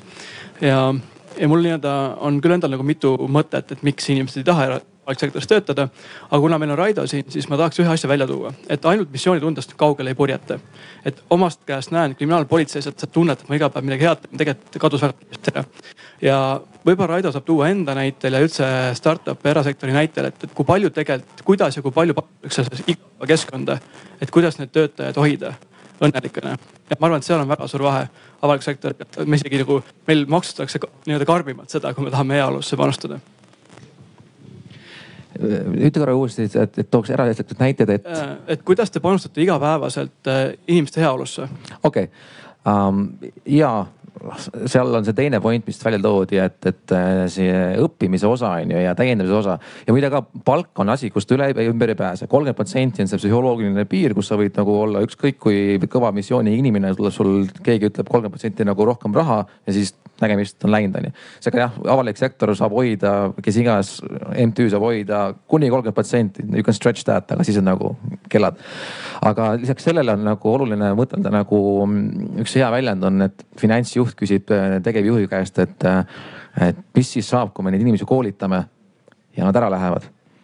ja siis ta vastab, et aga mis siis saab, kui me neid ei, ei koolita ja nad siia jäävad et selles mõttes on ähm, minu arvates nagu äh, inimeste arendamine, koolitamine, see coach imine, kaasamine, nende inspireerimine, õpetamine, selle kinnimaksmine, kogu see külg on, on, ma arvan, samaväärne kui see, see, kuhu me nagu sihime, et ja. ja nagu juhi ülesanne või ettevõtja ülesanne lõpuks on ju ettevõtte sihid ja inimese sihid ära sünkroniseerida, kogu nagu muusika, et see midagi keerulist ei ole. et noh, sa tahad sinna minna, okei, me tahame ka sinna minna ja siis lähme koos ja sellel käigus sa tahad, et Anu ju kiiremini jookseks ja Anu paremini teeks ja, ja annan muudkui talle raamatuid ette ja ideid nagu ette ja koolitusi ette, seega see igapäevane teadlik õpetamine, me oleme mõõtnud, noh, meie grupis on see jah, Toorgate'is on see üks kolm-neli korda ka IT-sektorist on see ajakulu, mis me kulutame õpingute peale, on kõrgem. Ja, ja asi ka, mis tegelikult on meil konkurentsieelis selge, et nagu miks tullakse, mida peaks rohkem turundama, aga noh, peaks tegema paremini. ja teine asi on see mm, kogu arusaamine, et noh, töö ei ole elu, vaat seesama, et, et ka inimesi sundida äh, töö ja eraelu balanssi tegelikult nagu jälgima. et, nagu kui ei lähe puhkusele, siis sa saadad ta sunniviisiliselt puhkusele. et sa puhkad, kui vaja on, paned nagu telefoninumbri kinni e, emaili lukku ja ütled, et sa puhkad nüüd. Et on inimesi, kes on jube ambitsioonikad, väga tahavad teha, aga nad ei, ei saa aru, kus on piir, see on ka jällegi sama missioonitunde nagu oht, et mis ma arvan, politseis või, või päästes on jube kerge juhtuma, et inimene lõpuks ohverdab nagu ennast ületöötamise, ülekoormusega ja, ja mingi piirini on see ju fine ja võib-olla isegi vajalik ja on hädaolukord, pandeemia, okei. Okay.. aga ühel hetkel on, on teaduslikult tõestatud, su kognitiivsed võimsused kukuvad, hakkad tegema vigu, see on kahjulik kõigile kui on ületöötamine ja sa mõtled, et ma teen head, ma olen ambitsioonikas, ma olen kangelane, onju. ei ole kangelane, sa oled tegelikult kahjulik et seega nagu see, see üle igapäevane nagu inimeste heaolu eest ka mõnikord nende eest mingites kohtades võib-olla vahele astumine. ja võib-olla nii nagu sa olid noh, lapsepõlves nagu kellegi õpetada mingis keskkonnas, et, et see on just nagu kõik tagantjärgi minu arust nagu, kes on profid nagu naudivad seda, et ütlevad, et päriselt äge oli kooli ja see õpetati ja nii palju targemaks sai ja noh, siis ma ei saanud sellest nagu aru minu arust nagu keskkonnas võib olla samasugune iseloom, et see õpetamine ei meeldi võib-olla tol hetkel, aga kui see on sisse kirjutatud, kõik teevad ja siis tagantjärgi saavad aru, et päris tore ju, et nii palju õpetatakse, nii palju hoitakse. Ähm, ja inimeste jah, nende enda eest kaitsmine, ma arvan, on üks oluline asi, mida, mida ei tehta, kuna see kuvand on nii tugevaks tehtud, et see see ühel hetkel, noh, sa ei saa mureneda ja, ja, ja võib-olla te isegi ise seda ei märka, aga ongi, kui inimestel on sisemine hirm mingeid asju nagu välja öelda ja see kuvand on nii tugev, on ju. siis tegelikult ongi ühel hetkel lahkutakse, öeldakse, et sellepärast, palga pärast.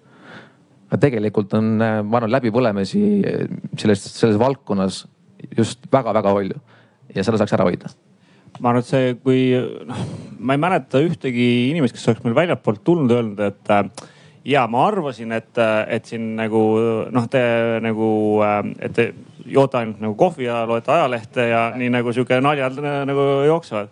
reeglina inimesed, kes on tulnud organisatsiooni sisse, ministeeriumisse, ametisse, eks ju, ütlevad, et appikene, ma ei oleks arvanud, et nii palju peab tegema, et see tulemus tuleks selline, nagu täna on alati on suurtes organisatsioonides ka nagu müra, eks ju, mis tuleb nagu välja võtta protsessidest ja, ja, ja siis ta taas tekib ja uuesti puhastada, aga aga, aga, aga noh, nagu see, see, mis nagu, millel avaliku sektori juhid minu meelest peavad tähelepanu pöörama ja, ja aina rohkem ka nagu on hakanud pöörama, on just see vaimse tervise kogu temaatika, eks ju. politseis on kaplanid, eks ju, psühholoogid ministeeriumis me näiteks me juba kolm-neli aastat tagasi tegime siis teadveloleku mindfulness'i kursused.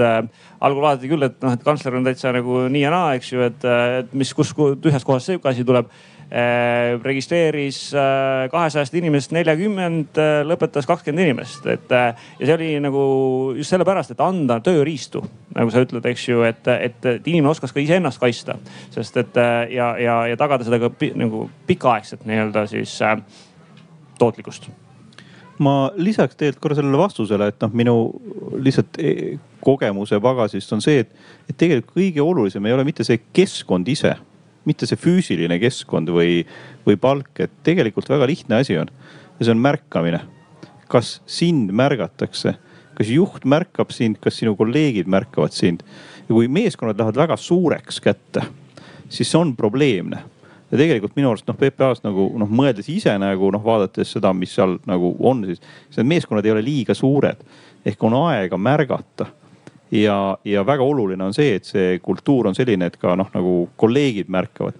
ja vot see on nagu see, mis tegelikult paneb sind ikkagi noh, nagu töötama nagu mõnusalt, sa naudid seda, mis on no see on see muutus, mis me tegelikult tegime mõned aastad tagasi ja mille üle mina isiklikult olen väga rahul. et äh, meil oli äh, talitus äh,, üks juht, kellel oli sada seitseteist alluvat.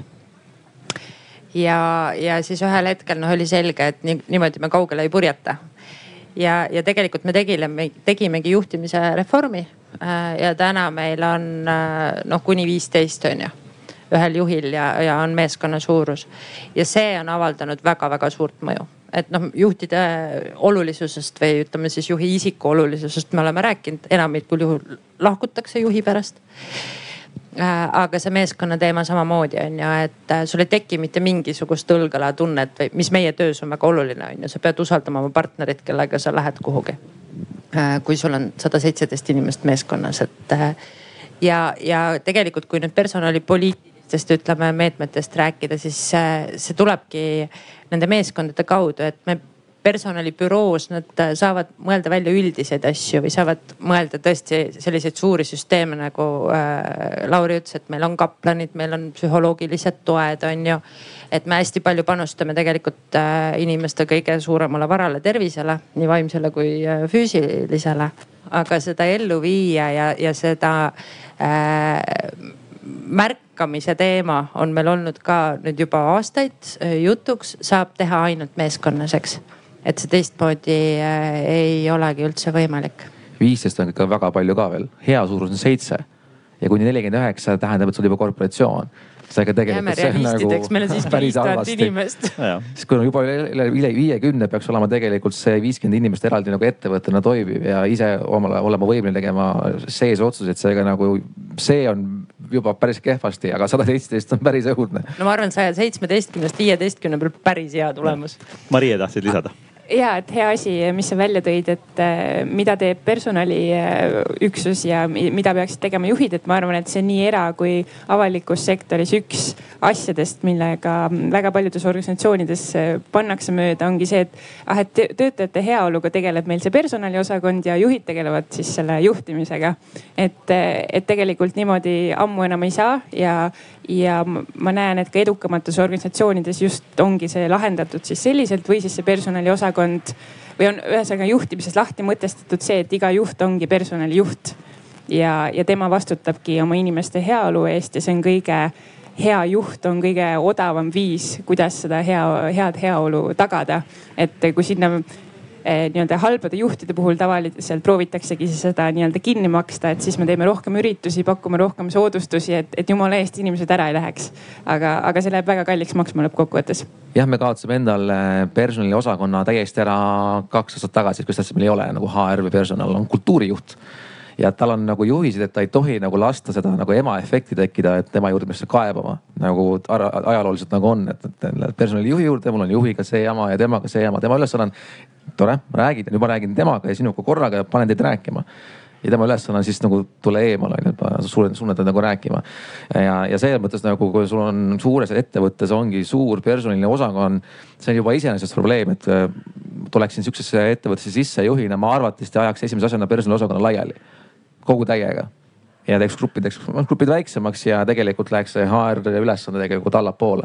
Ja kogu ettevõte peale laiali. kõigi vastutus, juhtide vastutus, mitte see, et mul on kolmkümmend inimest HR osakonda ja nemad peaks siis nagu tegelema, et kõik oleks õnnelikud, nii et see on omaette suurettevõtete mure, mis mis on jällegi mitte ainult avaliku sektori teema, see on suure ettevõtte ja. nagu teema. ma olen nõus, ma olen nende suurettevõtetega liiga palju vist läbi põimunud ja noh, mina vaatan seda teistmoodi, et on olemas ilmalik ja kiriklik võim ja noh, keegi peab seda hinge eest nagu head käima, et noh, et sellepärast on, on HR nagu sagedasti juures. aga me hakkame vaikselt tõmbama otsi kokku. üks viimane mõtteküsimus ja tegelikult seda küsimust võib siis vabalt vastusest laiendada, palun. et kui midagi jäi äh, nagu rääkimata, noh, mingi mure jäi ütlemata, siis saab julgelt öelda, aga see küsimus, mis mul peas on, on see, et kui mõtleme nagu noh, nagu mõtleme, ärme ütle viis, kümme aastat edasi. noh, et nagu PPA, noh kümme aastat edasi. et äh, noh, milline töökoht, milline töö, noh, kas üldse töötajad või on robotid, noh, et nagu, et, et, et kui te mõtlete kümme aastat edasi, et noh, milline see koht töötamiseks siis on. et äh, hakkame siit Laurist peale, võtame Janne viimaseks. ja, et mulle meeldib, et sa võtsid selle kümne aasta nagu vaate, eks ju, et äh, ja siis mõtle selle peale, et mis sa kümme aastat tagasi mõtlesid, et täna on ja siis saad aru, eks ju, et kui palju läks täkkesse ja kui palju läks nagu äh, äh, mööda aga kümne aasta pärast meie haldusala ei ole üksteist tuhat, vaid on loodetavasti viisteist tuhat. ja, ja kui ma ütlen meie, siis meie all ma pean silmas neid inimesi, kes äh, on ka vabatahtlikud. Ja, ja see on nagu fund fundamentaalne, sest me teistmoodi ma ei näe varianti, et me, et me sama turvatunde ja, ja faktilise turvalisuse seisundit suudaksime nagu äh, hoida et äh, siis lihtsalt äh, rahalised vahendid pigem äh, ei pruugi nagu meieni jõuda, need jõuavad rohkem nagu sotsiaalsektorisse ähm, ja, ja haridussektorisse, kes ka väga vajab seda. et, et, et ja nüüd, mis me veel oleme, ma arvan, me oleme nagu kümne aasta pärast, me oleme oluliselt nii-öelda rohelisemad. et me täna juba vaatame otsa natuke selle nii-öelda tehnoloogia otsa peale. et, et päästeautod elektrilised ja, ja nii edasi et, et ja ma arvan, et see võib muuta ka meid nagu ka atraktiivsemaks just nagu noorte suunal, nagu sa siin äh, tõid välja. täna noh, on rohelus on pigem meie jaoks nagu tihtipeale kulu äh, nagu komponendi nagu poole peal. tõsi, me oleme teinud ka nagu edukaid projekte, kus, kus äh, seda, seda oleme leidnud nii-öelda tasuvuspunkti nagu kiiresti, kus me, see muutus on nagu mõistlik selles suunas, et minna rohelisemaks ka juba täna. meid on loodetavasti rohkem kui meid on äh, vähem, siis ma arvan, et pigem meil nagu head seisu ei ole. me oleme rohelisemad ja, ja kindlasti, mis me oleme, me oleme oluliselt. ja siiski kärbime praegust eelarvet. ja me oleme kindlasti palju-palju tehnoloogilisemad ja mis ma selle all silmas pean, meil tulevad peale nagu põlvkonnad, kes on nagu palju noh, rohkem kodus kui, kui tänased neljakümne, viiekümne aastased äh, nii joystick idega kui ka nagu arvutite süsteemidega.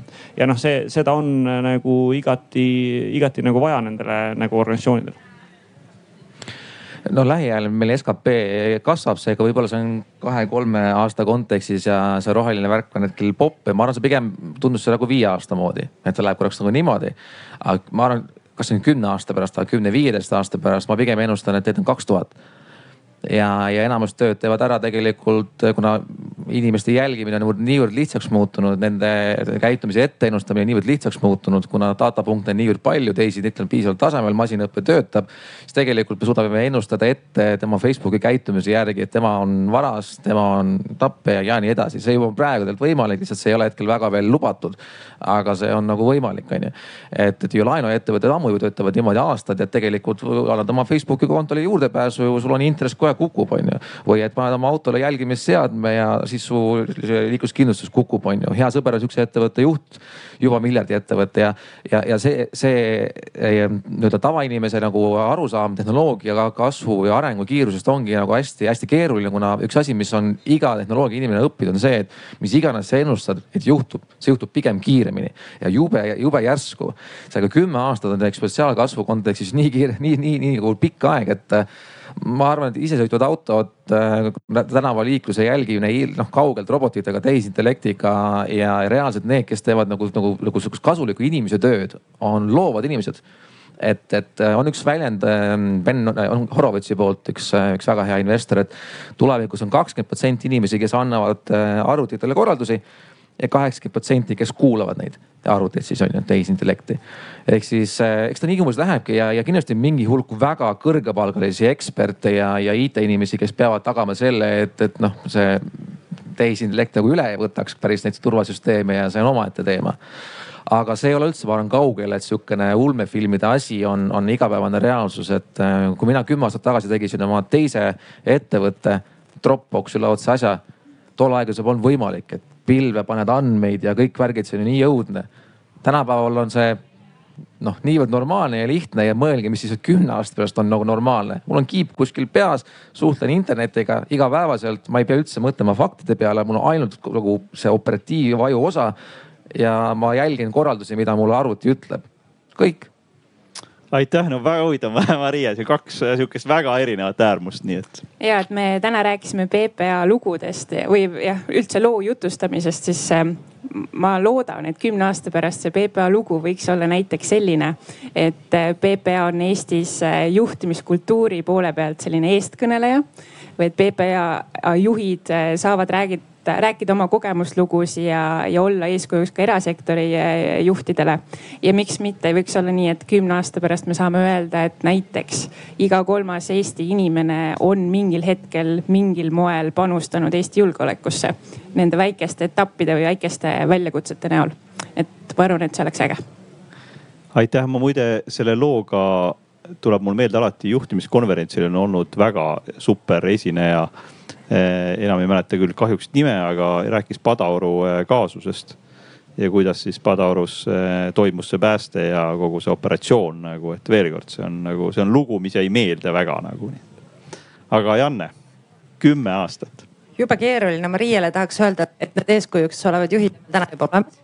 ja, aga paneme nad rohkem ja, rääkima. aga me peame panema nad rohkem rääkima. tegelikult me käime palju, kui ma mõtlen, kui palju me käime erinevates kohtades rääkimas, siis äh, vahel tundub, et äh, tahaks arvuti taga ka tööd teha et äh, me ise tegelikult oleme väga uhked oma juhtide üle ja ma arvan, see on esimene selline eeldus, et jõuda selleni, kuhu sa tahad, et me jõuame mis puudutab äh, turvalisust, siis äh, ma väga loodan, et me kümne aastaga oleme jõudnud selleni, et päriselt iga inimene, kes siin Eestimaa pinnal on, saab aru, et turvalisus algab temast endast.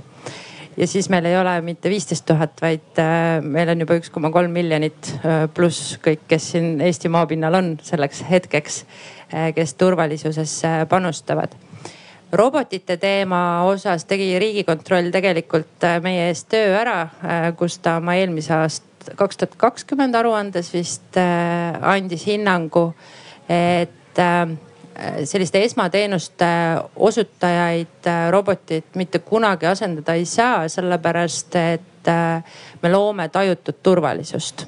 et selleks, et inimene turva, tunneks ennast turvaliselt, on tal vaja teist inimest küll ma väga loodan, et tehnoloogia on võtnud ära kõik selle paberimajanduse, mida täna Äh, politseinik väga palju oma ajast tegema peab ja on sellega meile hästi palju abiks.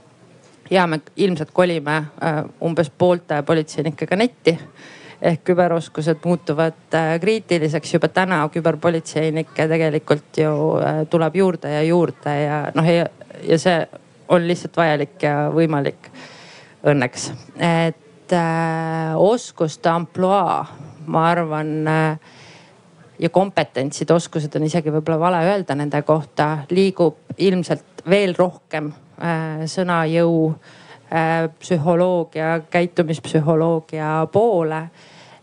ja, ja ütleme füüsiliste kontaktide poolest jäävadki ikkagi peamisteks sellised emotsioone puudutavad kontaktid ka politseiametnike jaoks, et loodetavasti toorest jõudu jääb veel vähemaks ja mida ma loodan, et ühiskond on kümne aastaga jõudnud sinna, mis minu jaoks tundub olevat erasektori ja avaliku sektori võib-olla isegi ainus vahe, on see, et äh, maksumaksja raha eest justkui ei ole lubatud äh, mingeid asju teha või oma inimestesse panustada, mis erasektoris on hästi normaalne, et kui sa räägid, kuidas sa oma inimesi hoiad siis noh, meil on keeruline kohati teha seda just ikkagi selle mõtteviisi ja, ja ühiskonna tundlikkuse pärast.